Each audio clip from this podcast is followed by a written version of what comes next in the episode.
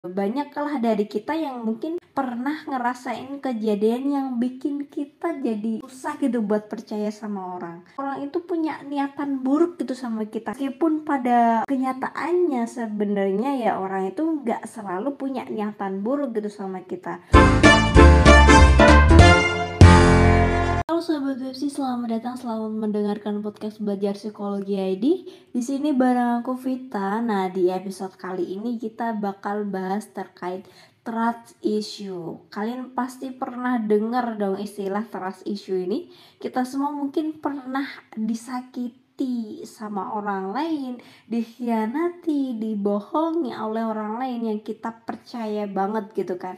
Dan ini uh, bisa dilakuin sama siapa pun, mungkin sama pacar, sama orang tua, sama sahabat atau mungkin bisa sampai uh, sama rekan kerja gitu. Banyaklah dari kita yang mungkin pernah ngerasain kejadian yang bikin kita jadi susah gitu buat percaya sama orang.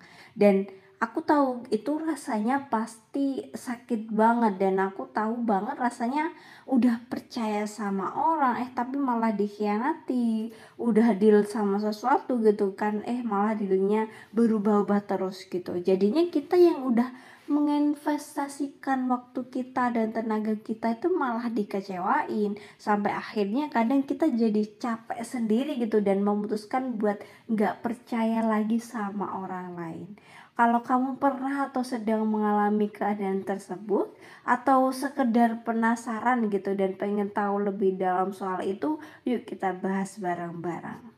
Oke, jadi simpelnya trust issue itu kita nggak percayaan sama orang. Orang yang punya trust issue itu cenderung punya pandangan yang pesimistis terhadap manusia. Kadang um, kayak mereka selalu beranggapan bahwa orang yang orang itu punya niatan buruk gitu sama kita. Meskipun pada uh, kenyataannya sebenarnya ya orang itu nggak selalu punya niatan buruk gitu sama kita. Nah kenapa orang itu bisa trust issue? Nah biasanya penderita trust issue itu punya pengalaman yang kurang menyenangkan sebelumnya atau bisa jadi trust issue itu disebabkan oleh perasaan takut dan traumanya.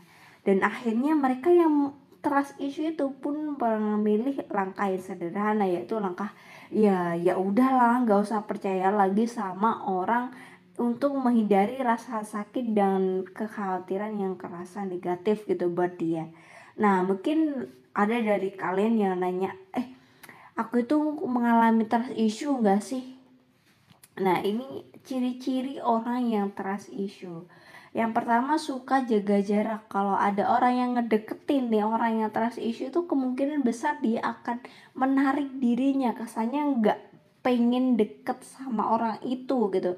Kalaupun pengen biasanya emang tingkah lakunya itu kayak nujuin orang-orang yang nggak pengen gitu. Dan ini mungkin banget terjadi karena mereka takut gitu takut untuk disakiti lagi takut mengalami pengalaman buruk lagi gitu. Terus yang kedua susah percaya sama orang.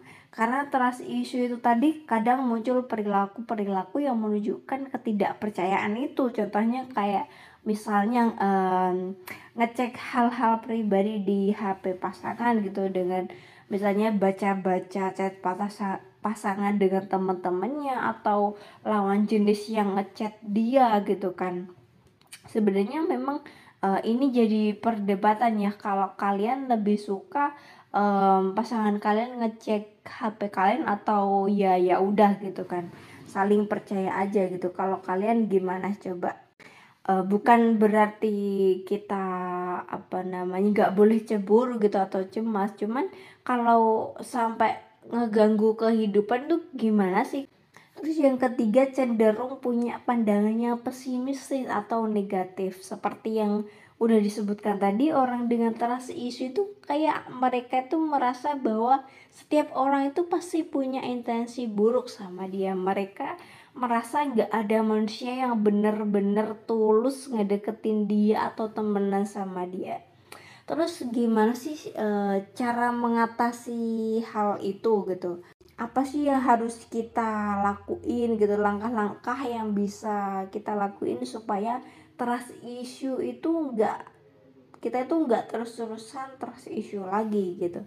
Yang pertama refleksikan pengalaman buruk dan belajar mengikhlaskan. Pasti sakit sih rasanya mengalami peristiwa itu ketika orang memperlakukan kamu dengan buruk wajar banget gitu kamu buat um, marah buat sedih buat uh, jadi nggak percaya sama orang lain gitu. Tapi sekali lagi peristiwa itu udah terjadi gitu. Dan ketika itu udah terjadi mau mengutuk orang yang memperlakukan uh, melakukannya terus menerus itu juga nggak baik gitu buat diri kamu sendiri gitu. Dan akhirnya memang peristiwa itu perlu kita ikhlaskan.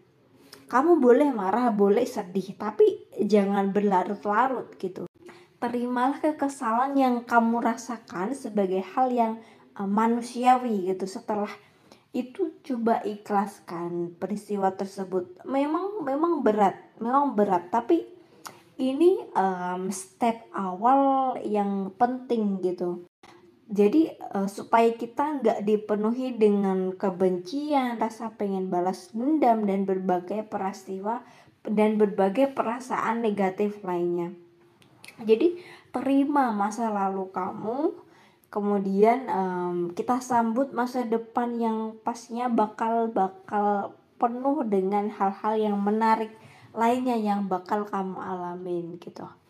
Kemudian yang kedua kita harus move on. Apa yang terjadi di masa lalu ya biarlah ada di masa lalu gitu. Sekarang ya sekarang kita coba fokus dengan hal yang bisa dilakukan sekarang yang akan berdampak baik di masa depan gitu. Apa nih cita-cita uh, yang dulu sempat kamu lupakan gitu? Karena nggak bisa move on dari kejadian masa lalu. Jadi uh, kalian bisa lakukan hal yang kamu suka gitu misalnya kenalan sama orang baru menjalani hobi baru potong rambut potongan rambut yang baru pergi liburan nongkrong sama teman-teman dan lain sebagainya. Jadi banyak hal yang selama ini mungkin nggak sempat kamu lakuin gitu. Dan cara move on ini bisa jadi cara yang paling ampuh gitu. Kamu bisa melakukan sekarang apa pun itu coba fokus ke diri kamu untuk ke masa depan. Jadi jangan terus-terus memikirkan masa lalu lagi gitu. Jadi kamu harus fokus oh masa depan gitu. Terus yang terakhir belajarlah dari pengalaman. Mungkin setelah kejadian itu akhirnya kita kayak sadar gitu bahwa kita pernah berbuat salah. Entah percaya dengan orang yang salah komunikasi yang negatif dan lain sebagainya. Well balik lagi ke poin sebelumnya. Jadi uh, jadikan kesalahan yang kamu perbuat itu sebagai sarana untuk introspeksi dan evaluasi diri. Sambutlah masa depan itu dengan excited gitu. Tapi inget buat nggak berekspektasi terlalu besar. Jadi fokus aja dan live live to the fullest. Kalau tujuannya tercapai ya lo bersyukur gitu. Kalau enggak ya terima dan kembali lanjutkan hidup. Kalau kamu butuh bantuan udah lama mengalami trust issue dan merasa nggak sanggup gitu buat ngejalanin sendiri kamu bisa minta bantuan mungkin ke temen keluarga dan juga ke profesional atau ke psikolog profesional.